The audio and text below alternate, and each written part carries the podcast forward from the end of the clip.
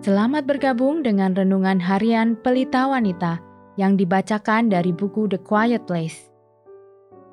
Pembacaan Alkitab hari ini diambil dari Kisah Para Rasul 20 ayat 17 sampai 21.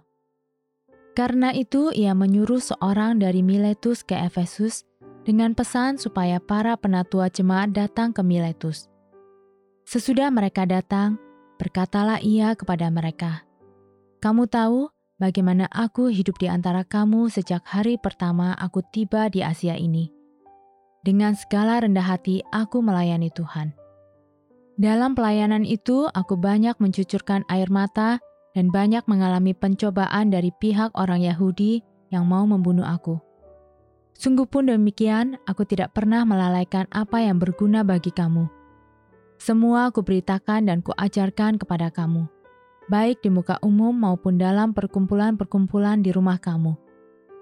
Aku senantiasa bersaksi kepada orang-orang Yahudi dan orang-orang Yunani, supaya mereka bertobat kepada Allah dan percaya kepada Tuhan kita, Yesus Kristus.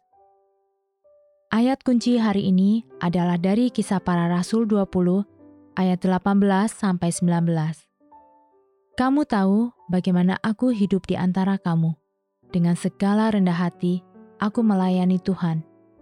Dalam pelayanan itu, aku banyak mencucurkan air mata dan banyak mengalami pencobaan. Dibebaskan untuk melayani. Apakah kita menyadarinya atau tidak, kita masing-masing terlibat dalam pelayanan. Pelayanan itu bisa berupa pengajaran Alkitab, atau bentuk lain dari apa yang orang biasanya anggap sebagai pelayanan. Tetapi menjadi orang tua, pasangan dalam perkawinan, teman, tetangga juga merupakan pelayanan. Kehidupan kita dipenuhi dengan kesempatan terus-menerus untuk melayani Tuhan dengan cara melayani sesama. Kata melayani seperti yang digunakan Paulus dalam merefleksikan pelayanannya di antara orang-orang Efesus dalam kisah para rasul 20 dapat diterjemahkan secara harafiah yang berarti menjadi budak.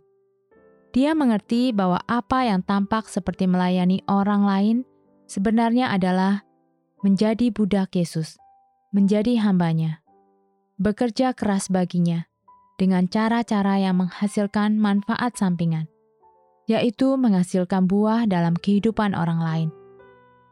Melayani Kristus adalah tujuan utama pelayanan yang sejati.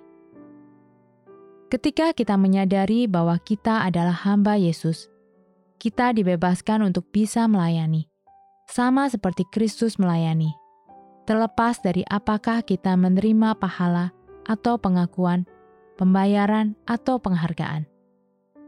Kami adalah hamba-hamba yang tidak berguna kami hanya melakukan apa yang kami harus lakukan. Lukas 17 ayat 10. Dengan sukacita, sukarela, dengan penuh kasih. Suka melayani. Melayani Kristus. Untuk zaman sekarang, pemikiran menjadi budak Kristus tampak merendahkan.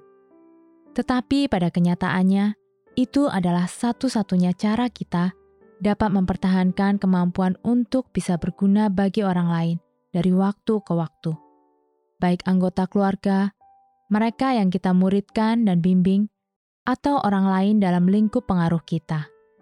Jika kita melayani siapa pun atau apa pun selain Kristus, kita tidak akan memiliki kekuatan untuk bertahan dalam situasi yang tidak terhindarkan, dari pertentangan, penolakan, dan kesulitan.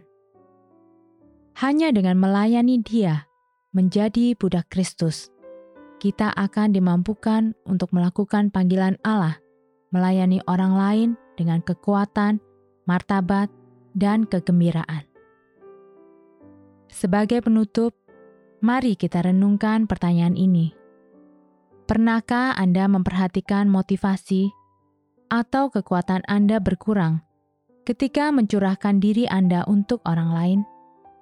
Ingatlah bahwa Tuhanlah yang Anda layani gunakan anugerahnya untuk terus melayani, meskipun harus melalui air mata dan pencobaan.